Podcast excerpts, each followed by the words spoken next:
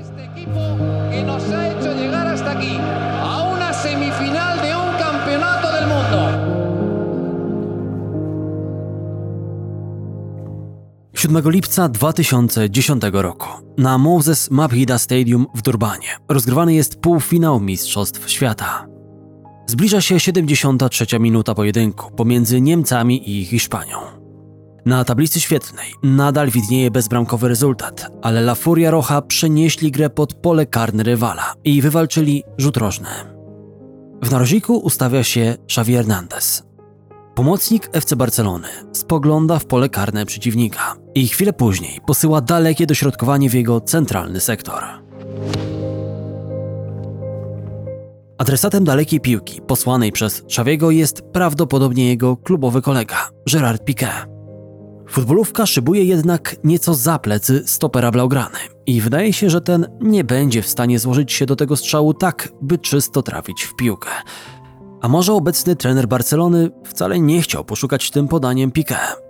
Może wiedział, co tak naprawdę za chwilę nastąpi. Gdy Piqué, otoczony przez niemiecki blok defensywny, szykował się do tego, by jakimś cudem zgarnąć nadchodzącą piłkę, zobaczył jak przed jego nosem, niczym wystrzelona w kosmos rakieta, przylatuje znajoma mu sylwetka. Chwilę później zauważył, że piłka trzepocze w siatce bramki rozjuszonego Manuela Neuera, by po upływie kilku sekund samemu, jako pierwszy, dopaść do strzelca bramki i wraz z nim celebrować zdobycie gola w potwornym tumulcie wydawanym przez królujące na trybunach południowoafrykańskich aren WWZL.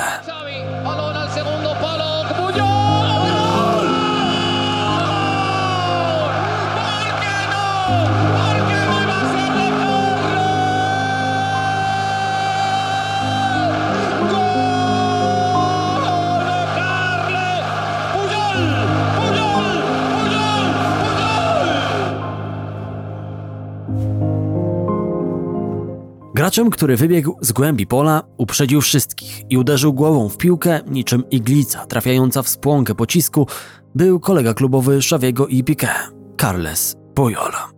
Gol popularnego Tarzana, jak się później okazało, dał Hiszpanom awans do finału, w którym podopieczni Vicente del Bosque sięgnęli po tytuł najlepszej reprezentacji świata, jednocześnie cementując przekonanie opinii publicznej o tym, że piłkarze z Półwyspu Iberyjskiego faktycznie w owym czasie byli najmocniejszą drużyną narodową globu.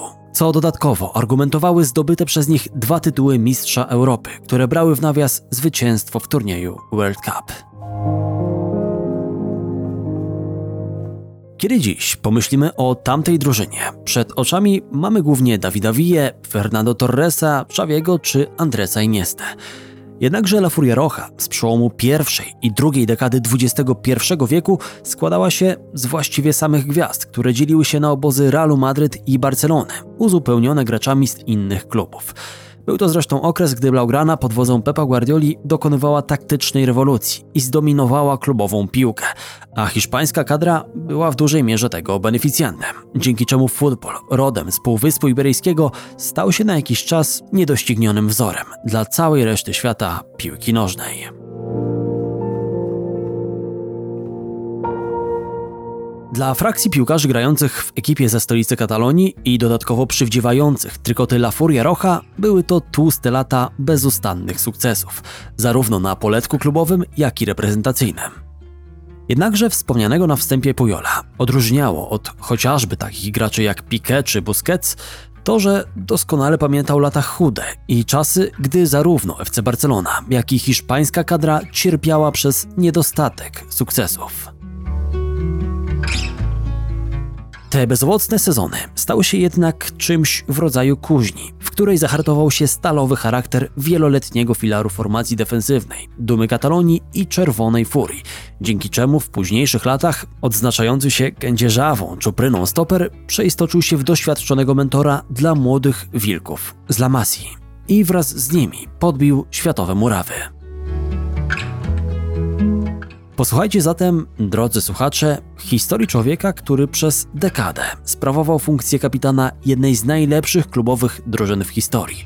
Był częścią jednej z najlepszych reprezentacji, jakie widział ten świat. a w dodatku dał się zapamiętać jako wzór boiskowego dżentelmena.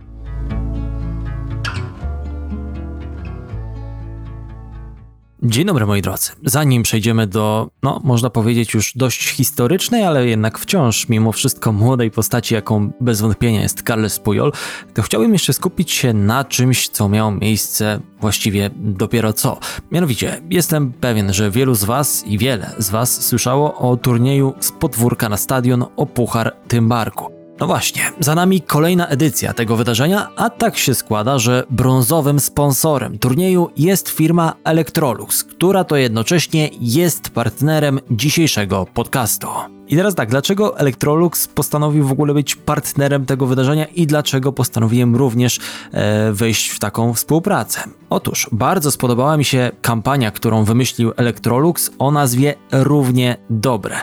Założenie jest takie, że w turnieju mogą brać udział zarówno chłopcy, jak i dziewczynki. I na podstawie statystyk mojego podcastu mogę stwierdzić, że jakieś 90% mm, moich odbiorców to e, mężczyźni czy chłopacy, ale te 10% są to właśnie Mm, kobiety i zdarzało się, że pisały do mnie właśnie obiecujące piłkarki, więc wiem, że też jesteście w tych 10 na razie procentach, ale mam nadzieję, że ten procent i udział kobiet będzie większy i właśnie o to chodzi, żeby pokazywać, że wszystkie dzieciaki są równe, bez względu na płeć. Mnóstwo jeszcze kobiet z różnych powodów nie interesuje się piłką nożną, choć mogłyby i staramy się między innymi takimi akcjami je do tego zachęcić, ponieważ są, no właśnie, równie dobre. Żeby jakoś jakoś ładnie spiąć to klamrą, pozwólcie, że posłużę się zdaniem, które bardzo mi się spodobało i zostało wypowiedziane przez jedną z dziewczyn w spocie Electroluxa i oddaje dobrze sens całej akcji. Zresztą posłuchajcie. Nie zależy od tego, czy jesteś dziewczyną, czy jesteś chłopakiem, tylko zależy od tego, czy trenujesz i jak ciężko trenujesz. Ja się pod tym podpisuję i myślę, że bohater dzisiejszego odcinka też by się z tym zgodził. Nazywam się Konrad Szymański. Witajcie w podcaście Historie z boiska. Przed Wami historia Carlesa Pujola. Historie z boiska. Ciekawsza strona futbolu.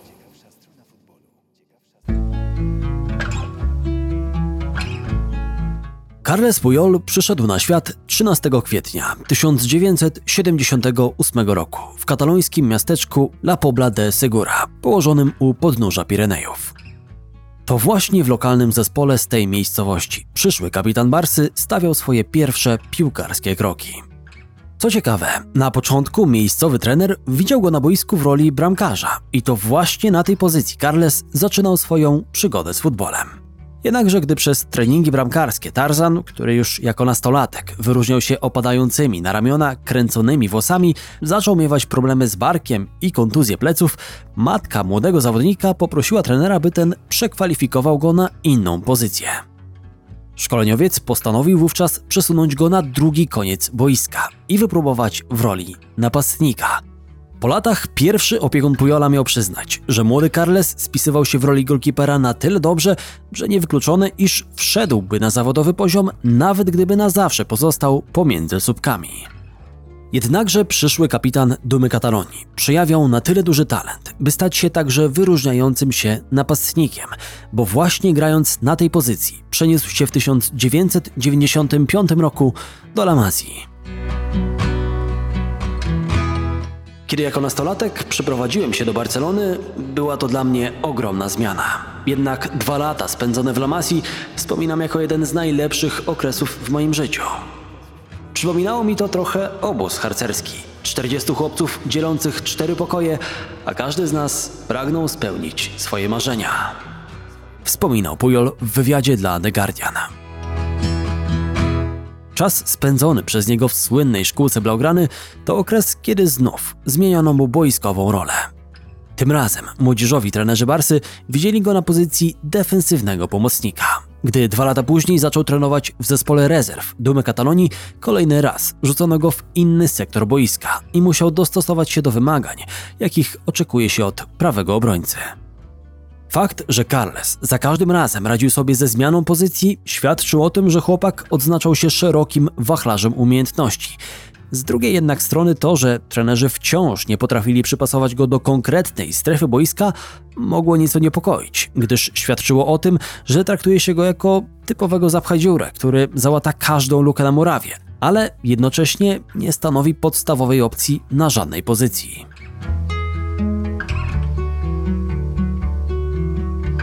Obawy te potwierdziły się, gdy Pujol miał 20 lat. Wówczas usługami młodego obrońcy zainteresowała się Malaga, a Duma Katalonii okazała się skora do sprzedaży swojego wychowanka.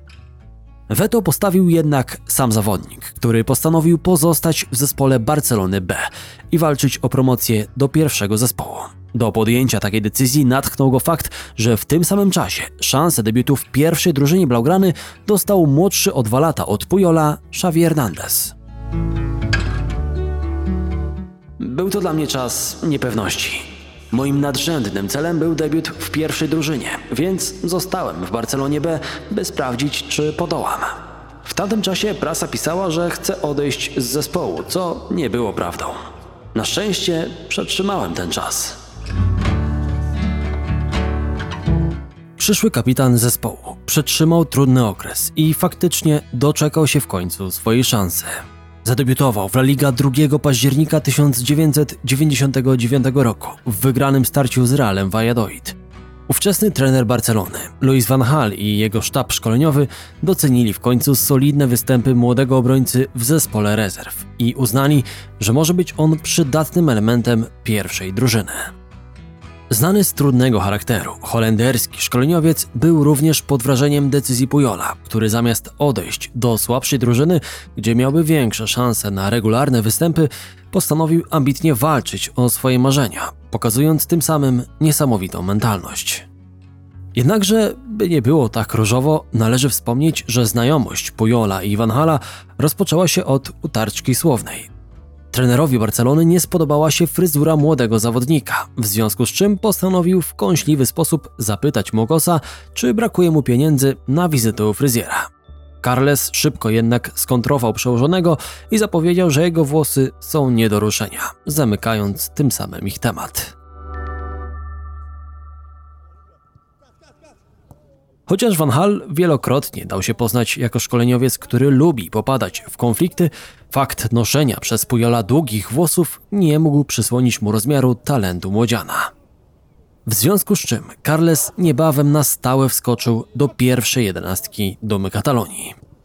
Holenderski trener doskonale wiedział, że Tarzan potrafi się zaklimatyzować na niemal każdej pozycji, Dlatego wychowanek czasami wskakiwał na prawą stronę defensywy za Michaela Reisigera, innym razem zastępował doświadczonego Sergi Barżuana na lewej obronie, a czasami lądował w centralnej części linii defensywnej. Wkrótce to właśnie pozycja stopera zaczęła być tą, na której Młokos występował najczęściej i po latach tułaczki i rzucania go po każdym możliwym sektorze boiska znalazł w końcu swoje miejsce na ziemi. W barwach blaugrany spisywał się natomiast na tyle dobrze, że latem 2000 roku wyjechał wraz z reprezentacją olimpijską do Sydney, gdzie Hiszpanie sięgnęli po srebrne medale igrzysk, przegrywając dopiero w finale turnieju z kadrą Kamerunu.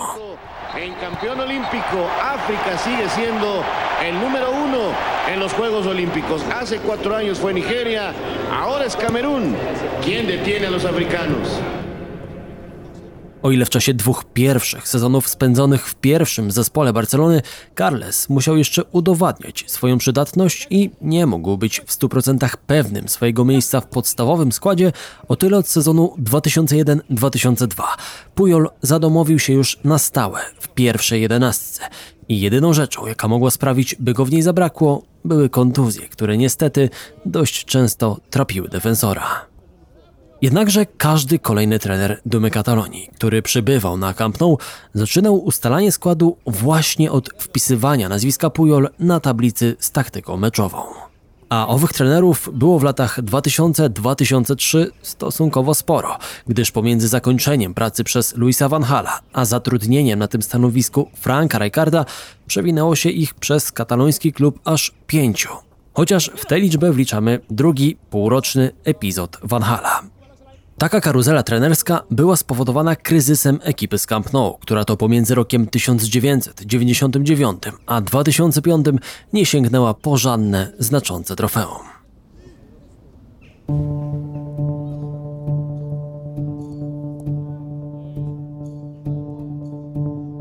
Na ławce trenerskiej klubowi ze stolicy Katalonii brakowało stabilizacji, a na rynku transferowym odpowiedniego zmysłu. We wspomnianych latach 2000-2003 prezydentem klubu z Camp Nou był Jean Gaspar, który nie szczędził pieniędzy na wzmocnienie klubu, wydając na nowych piłkarzy około 200 milionów euro. Jednakże zawodnicy tacy jak Fabio Rochenbach, Filip Christian czy nawet Javier Saviola nie potrafili zapewnić odpowiedniego poziomu. Blaugrana miała w tamtym czasie nawet problem, by załapać się na podium La Liga. Dodatkowo to właśnie za czasów prezesury Gasparta Luis Figo porzucił Barce na rzecz Realu Madryt. Skompromitowany prezydent zrezygnował ze stanowiska w 2003 roku. Owy czas posłuchy najlepiej spożytkował bohater dzisiejszego podcastu, który wykorzystując słabość partnerów z drużyny wyrastał na czołową postać zespołu. Pujol świetnie czytał grę, dobrze się ustawiał i całkiem nieźle radził sobie w walce powietrznej, pomimo zaledwie 178 cm wzrostu. Co najważniejsze, cały czas się rozwijał. Był prawdziwym pracocholikiem. Często zostawał po treningach, by nadrabiać zaległości w elementach, które jego zdaniem musiał poprawić. Dobrze się prowadził i imponował siłą fizyczną. Uważał, że musi poświęcać na trening więcej czasu niż koledzy, gdyż nie dysponuje tak dużym wrodzonym talentem. Nie mam techniki Romario, szybkości Marka Overmarsa i siły Patricka Kluiverta. Ciężko jednak nad sobą pracuję. Jestem jak uczeń, który nie jest tak mądry jak jego koledzy prymusi, ale zakuwa i dzięki temu zdaje egzaminy. Tym, co jednak sprawiło, że Pujol najbardziej imponował kibicom, było jego wielkie serce do gry i nieustępliwość. Dzięki tym cechom wkrótce dorobił się nowego przydomka – lwie serce. W 2003 roku parol na 25-letnim defensorze pragnął zagiąć sam Sir Alex Ferguson, który był pod wrażeniem etyki pracy i umiejętności piłkarza Barcelony. Wówczas Manchester United, który niepodzielnie panował w Anglii, zdawał się być o wiele atrakcyjniejszym kierunkiem niż pogrążona w marazmie Blaugrana. Tarzan po raz kolejny jednak postanowił dokonać nieoczywistego wyboru i odrzucić możliwość przeprowadzki na Old Trafford, tym samym składając kolejny wyraz miłości do ukochanego klubu, który pragnął wyciągnąć z kłopotów. Wierność wobec FC Barcelony już wkrótce miała zostać wynagrodzona Pujolowi przez los. Gasparta zastąpił niebawem na stanowisku prezydenta klubu Joan Laporta, który stopniowo zaczął uzdrawiać dumę Katalonii i kierować ekipę z Camp Nou na właściwe tory. Pierwszym krokiem ku temu miało być zatrudnienie na stanowisku trenera zespołu Franka Rijkaarda, poleconego na to stanowisko przez samego Johanna Cruyffa. Holender okazał się człowiekiem, który w końcu na dłużej zagrzał miejsce na stołku trenerskim Blaugrany i przywrócił Barcelonie prymat w Hiszpanii. Również w czasie kadencji byłego zawodnika AC Milanu. Pujol stał się pierwszym kapitanem zespołu i nie rozstał się z opaską przez kolejną dekadę. W sezonie 2004-2005 Blaugrana po sześciu latach odzyskała mistrzowski tytuł, co wyraźnie pokazało, że panowanie Laporty w klubowych biurach, Rajkarda na ławce trenerskiej i Pujola na boisku idealnie dzieli obowiązki i tworzy doskonały tercet przywódców.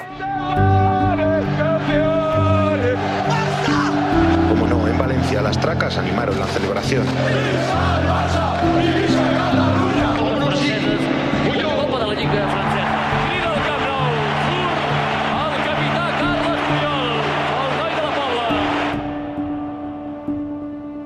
Było to także pierwsze tak ważne trofeum, które Carles mógł sobie wpisać do CV.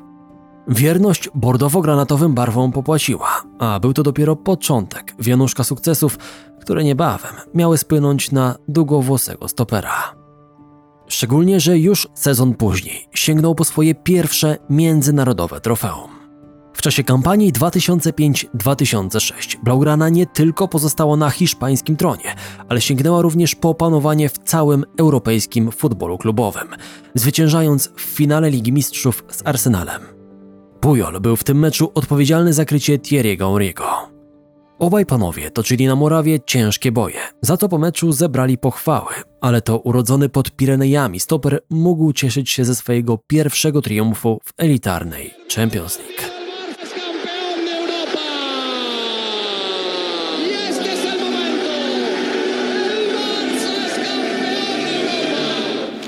Historie z boiska. Ciekawsza strona futbolu.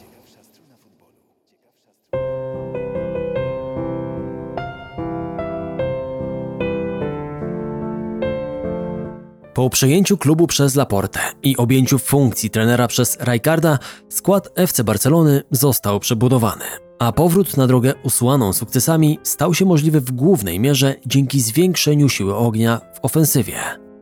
Z klubu odszedł doświadczony Patrick Kluivert, który najlepsze lata gry miał już za sobą. Kariery pokończyli Mark Overmars czy Luis Enrique, a na wypożyczenie powędrował Javier Saviola.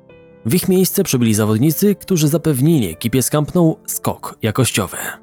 Deco, Samuel Eto czy przede wszystkim Brazylijczyk Ronaldinho, który w barwach Blaugrany wyrobił sobie markę najlepszego piłkarza na świecie. W dodatku Rijkaard promował do pierwszego zespołu młodych wychowanków. Nie zmieniło się za to serce defensywy, które już od kilku lat stanowił bohater dzisiejszego podcastu. Chociaż określenie serce defensywy to pewne niedopowiedzenie. Pujol był sercem całego zespołu, jak na rasowego kapitana przystało. To on najczęściej dbał o to, by zsumowany poziomego gwiazd rodem z nie wylał się poza murawę. Motywował kolegów, wspierał ich, a gdy trzeba było, rugał za nieodpowiednie zachowanie. Jego rola jako mentora drużyny była prawdopodobnie tak samo wielka jak ta, którą sprawował na boisku. Przykład? W czasie spotkania przeciwko Majorce w sezonie 2004-2005 Carles wdał się w sprzeczkę z graczem ekipy z Balearów, Sergio Ballesterosem. Zirytowany niekorzystnym wynikiem Ballesteros nie wytrzymał ciśnienia i w pewnym momencie spoliczkował kapitana Barcelony. Całą sytuację widział Ronaldinho, który niczym rakieta wystartował w kierunku krewkiego rywala, by stanąć w obronie Pujola. Nim jednak Brazylijczyk zdołał wziąć sprawy w swoje ręce, został zastopowany przez poszkodowanego kolegę z zespołu, który nie chciał, by jego partner złapał niepotrzebną kartkę. Carles stanowił również uosobienie piłkarza, który jest gotów do największych poświęceń na boisku. Nasi ojcowie i dziadkowie zwykli mawiać, że Andrzej Szarmach był piłkarzem, który nie bał się włożyć głowy tam, gdzie inni nie odważyliby się wsadzić nogi. W Hiszpanii na taką etykietkę z pewnością zasłużył lwie serce Pujol. Poprzyjmy tę tezę kolejnymi przykładami. Rok 2002, gdy Tarzan dopiero zaczyna pokazywać światu, jakim jest nieprzeciętnym obrońcą. Barcelona gra w ramach fazy grupowej Ligi Mistrzów z Lokomotywem Moskwa. W pewnym momencie nigeryjski napastnik James Obiora mija golkipera Blaugrany, Argentyńczyka Roberto Bonano, i wydaje się, że pozostanie mu tylko wbić piłkę do pustej bramki. Okazuje się jednak, że z asekuracją podążył Pujol, który chwilę później zastąpił swojego bramkarza w polu karnym i stanął twarzą w twarz ze snajperem przeciwnika. Emocje biorą górę nad graczem lokomotywu. Gdy wydaje się, że obiora może zrobić niemal wszystko, uderza mocno w środek bramki. Pujol odbija futbolówkę klatką piersiową, ratując skórę swojemu zespołowi.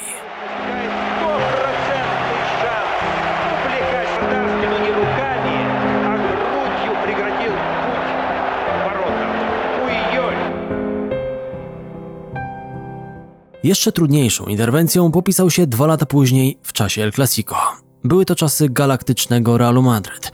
Luis Figo dograł piłkę pod nogi Zinedina Zidana, a ten, nie namyślając się długo, huknął za pola karnego. Na posterunku stał jednak Wiktor Valdes, który sparował to uderzenie. Zrobił to jednak tak nieszczęśliwie, że piłka wylądowała wprost pod nogami Raula Gonzaleza. Natychmiastową dobitkę napastnika Los Blancos znów wybronił Valdes, który ofiarnie rzucił się pod nogi swojego rodaka. Golkiper Blaugrany nie miał już szans pozbierać się na tyle szybko, by po raz trzeci uratować swój zespół przed stratą gola. Wydawało się, że tym razem nic nie powstrzyma piłkarza królewskich przed umieszczeniem piłki w siatce. Carlos uderzył, ale po chwili zauważył, że na linii bramkowej pojawił się Pujol, który zablokował strzał rywala własną twarzą.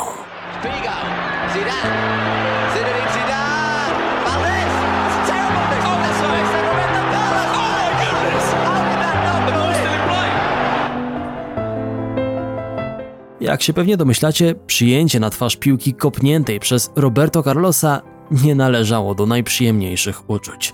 Wielu zawodników zapewne po takim zdarzeniu długo zbierałoby się z murawy. Ale nie Pujol. Stoper Barcy momentalnie stanął na nogi, dodatkowo pokrzykując na partnerów zespołu i wydając im komendy. Pujol był naszym kluczowym piłkarzem. Nie tylko ze względu na to, że był jednym z najlepszych obrońców na świecie, ale przede wszystkim ze względu na swój charakter. On nigdy się nie poddawał. Tak scharakteryzował swojego byłego kolegę z drużyny obecny trener ekipy z Camp Nou, Xavi Hernandez. To jak ważnym był piłkarzem dla swojego zespołu pokazywał również w chwili, gdy na pokładzie statku nawigowanego przez Franka Rijkaarda zaczęły wybuchać bunty. Gdy Holender nie potrafił znaleźć wspólnego języka z Samuelem Eto'o i Ronaldinho, to właśnie Carles, który cieszył się szacunkiem całej drużyny, wcielał się w rolę mediatora pomiędzy szatnią a szkoleniowcem. W pewnym momencie jednak nawet on nie potrafił już ugasić pożaru, który ogarnął zespół. Po początkowym paśmie sukcesów zespół prowadzony przez Rijkaarda popadł w marazm. Latem 2008 roku Holender pożegnał się z posadą, a jego miejsce zajął Pep Guardiola, z którym Pujol miał zresztą okazję wspólnie występować na boisku na początku swojej zawodowej kariery. Guardiola szybko zaczął sprzątać szatnie i pozbywać się zatrutych jabłek z koszyka. Z klubem pożegnali się Deco, Ronaldinho, a po roku również Samuel Eto'o. Nowy szkoleniowiec zaczął za to odważniej stawiać na wychowanków La Masji. Ważniejszą rolę zaczęli odgrywać Iniesta i Messi, a w pierwszej drużynie pojawili się również młodzi Sergio Busquets czy Gerard Piqué, który za 5 milionów euro przywędrował z Manchester United. To właśnie oni mieli wspólnie z Pujolem, którego pozycja w zespole była niepodważalna, pomimo zmiany trenera, stworzyć nową formację defensywną. W dodatku przed sezonem do Barcelony dołączył również Dani który wcześniej reprezentował barwy Sewilli. Wszyscy ci zawodnicy niebawem mieli stać się zmorą napastników nie tylko w Primera Division, ale i w całej Europie. Guardiola w szybkim czasie stworzył z Blaugrany maszynkę do wygrywania trofeów i wcielił się w rolę taktycznego reformatora. Pod wodzą byłego kolegi z drużyny, prywatna gablota Pujola wzbogaciła się o trzy kolejne mistrzostwa Hiszpanii i dwa trofea Ligi Mistrzów. W dodatku Carles sięgnął po swoje dwa pierwsze i jedyne triumfy w Copa del Rey. Pomniejszych osiągnięć jak klubowe Mistrzostwo Świata czy Superpuchar Europy nawet nie ma sensu przywoływać. To był również okres, gdy Hiszpanie zdominowali futbol także na polu reprezentacyjnym. Pujol zadebiutował w seniorskiej kadrze narodowej już w 2000 roku, w przegranym spotkaniu towarzyskim z Holandią. A la izquierda de sus imágenes, y ahí está uno de los debutantes, Puyol y Xavi, que debutan hoy en la selección absoluta. Od tamtego czasu, jeśli tylko zdrowie mu dopisywało, był stałym elementem ekipy La Furia Roja. Jednakże jego początkowe lata gry dla kadry, podobnie jak w Barcelonie, można uznać za okres posuchy. W tamtym czasie popularnym było stwierdzenie, że Hiszpanie na wielkich turniejach grają pięknie jak nigdy, a przegrywają jak zawsze. Pujol po raz pierwszy na wielką imprezę pojechał w 2002 roku. Na mundialu w Korei i Japonii drużyna prowadzona przez trenera Jose Antonio Camacho odpadła w ćwierćfinale po kontrowersyjnym spotkaniu przeciwko Koreańczykom, w którym kluczową rolę odegrał egipski arbiter, nie uznając Hiszpanom dwóch prawidłowo zdobytych goli.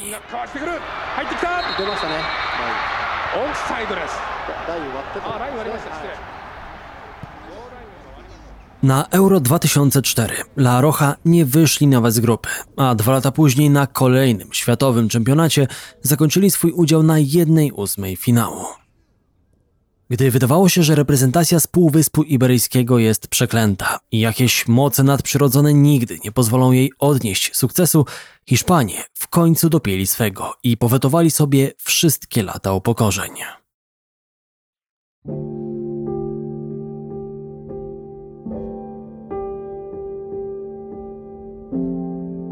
Trzy kolejne turnieje i trzy triumfy wielkich La Furia Roja, dwa mistrzostwa kontynentu i tytuł najlepszej kadry narodowej globu.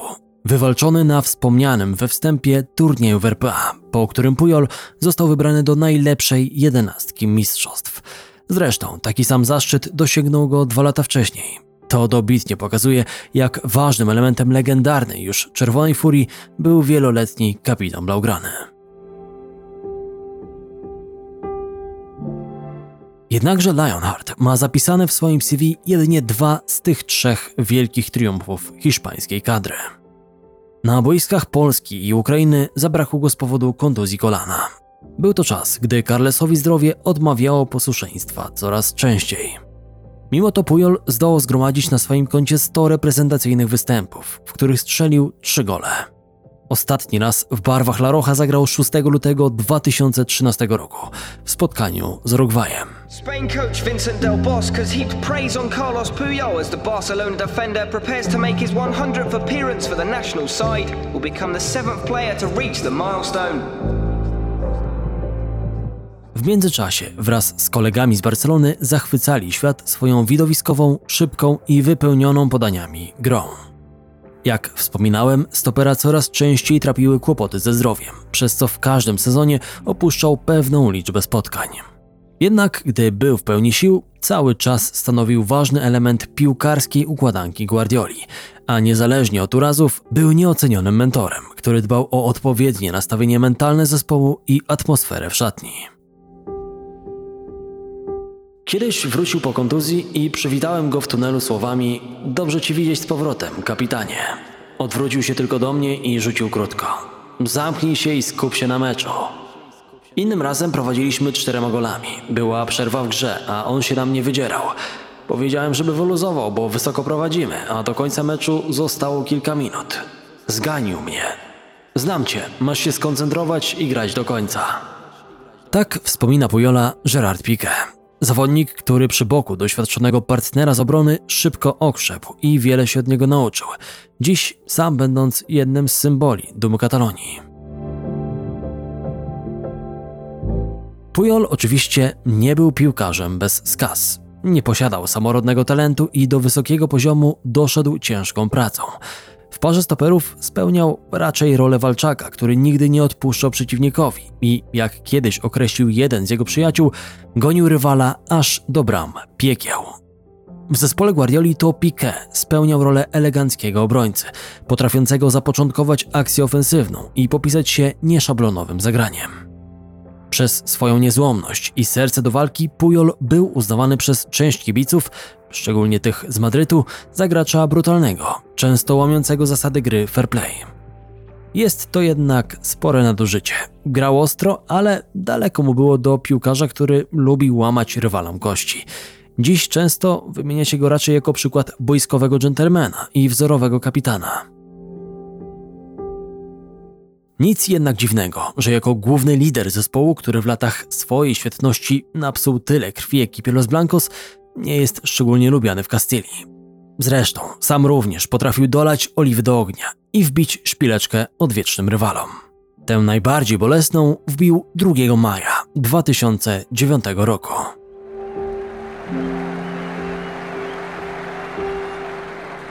Blaugrana zdemolowała wówczas na Santiago Bernabeu Madrytczyków aż 6 do 2. Hiszpan był autorem jednego z goli. Po jego zdobyciu zdjął z ramienia opaskę kapitana w barwach narodowych Katalonii i ucałował ją.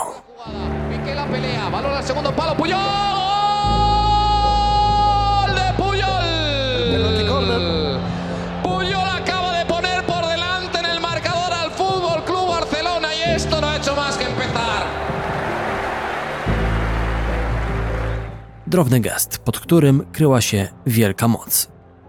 Kapitan klubu, będącego chlubą, mającej niepodległościowe aspiracje Katalonii, manifestuje swoją miłość do regionu i do zespołu na oczach fanów ekipy ze stolicy Hiszpanii.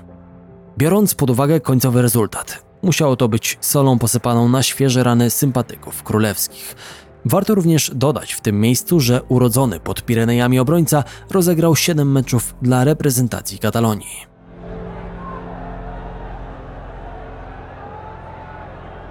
Jednakże Pujol, częściej niż jako zapalnik, występował w roli katalizatora złych emocji. Gdy Barca przegrała w półfinale Copa del Rey z Realem w 2013 roku, Gerard Piqué został trafiony z trybun przez jednego ze stołecznych kibiców zapalniczką. Wściekły obrońca pomaszerował w kierunku arbitra, by poinformować go o karygodnym zachowaniu sympatyków Los Blancos. Nim jednak dotarł do sędziego, drogę zagrodził mu Pujol, który wyrwał z ręki kolegi dowód zbrodni, wyrzucił go poza plac zmagań i nakazał Piqué wrócić do gry. Poszanowanie dla rywali, poszanowanie dla ducha sportu i przede wszystkim poszanowanie dla partnerów z drużyny. Te zasady były na szczycie honorowego kodeksu Carlesa. Najjaśniejszym tego przykładem był finał Ligi Mistrzów z 2011 roku, kiedy to po triumfie nad Manchesterem United założył opaskę kapitańską na ramię Erika Abidala, który jakiś czas wcześniej wygrał walkę z nowotworem i pozwolił Francuzowi jako pierwszemu unieść najważniejsze klubowe trofeum.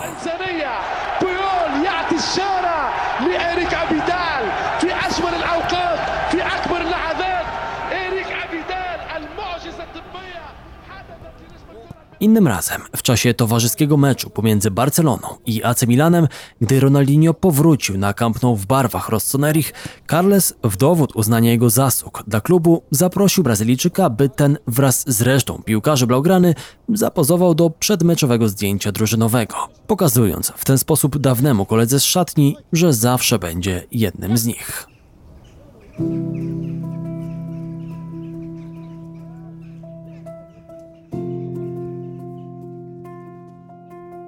Carles zakończył karierę po sezonie 2013-2014, gdy uznał, że zdrowie nie pozwala mu już grać na odpowiednio wysokim poziomie. W swoich ostatnich sezonach opuszczał znaczną liczbę spotkań, dwukrotnie poddając się w tym czasie operacjom. Lata gry bez kalkulacji dały o sobie znać. Pujol rozegrał w bordowo-granatowych barwach blisko 600 spotkań. Znamienne, że więcej gier od niego zgromadzili jedynie zawodnicy, którzy wyrastali przy jego boku. Messi, Piqué, Busquets i Iniesta oraz wchodzący razem z nim do zespołu Xavi. To przy nim wyrosło pokolenie, które zaraziło się od swojego lidera pasją i miłością do ukochanego klubu, któremu poświęcili niemal całą zawodową karierę. Chyba żaden klub grający na tak wysokim poziomie nie może pochwalić się generacją graczy tak bardzo oddanych i zakorzenionych w macierzystym zespole. Gdy w wyszukiwarkę YouTube wpiszecie personalia bohatera naszego podcastu, waszym oczom ukażą się kompilacje, które nie tylko będą celebrować wachlarz udanych i karkołomnych interwencji Pujola w defensywie. Znajdziecie również filmiki, które będą skupiać się na licznych zachowaniach fair play i ukazywać go jako jednego z ostatnich dżentelmenów futbolu, będącego w opozycji do nurków, którzy rzucają się na murawie po każdym zetknięciu z przeciwnikiem. Sztywny kodeks zasad ukształtował mentalność obrońcy i utorował mu drogę nie tylko do sukcesów, ale także do wszechobecnego szacunku rywali i uwielbienia fanów Barcelony. Na Pujola duży wpływ wywarły także słowa tragicznie zmarłego w 2006 roku ojca, które ten wypowiedział do swojego syna, gdy Carles wyjeżdżał trenować w La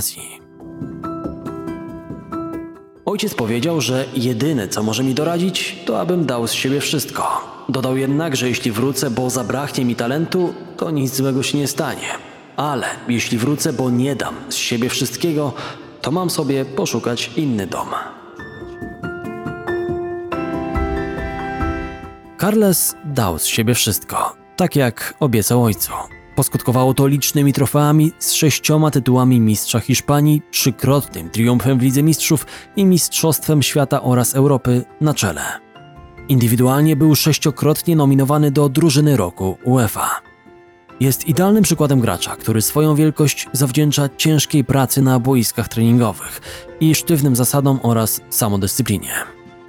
W opinii wielu ekspertów uchodzi za niedościgniony wzór kapitana i symbol wierności oraz miłości do jednego klubu. Zawodnika, który wskazał drogę całemu pokoleniu graczy wychowujących się przy jego boku, którym wpoił zasadę Mesque un club. Bo dla kogo jak dla kogo, ale dla Pujola, Blaugrana była zdecydowanie czymś więcej niż klub.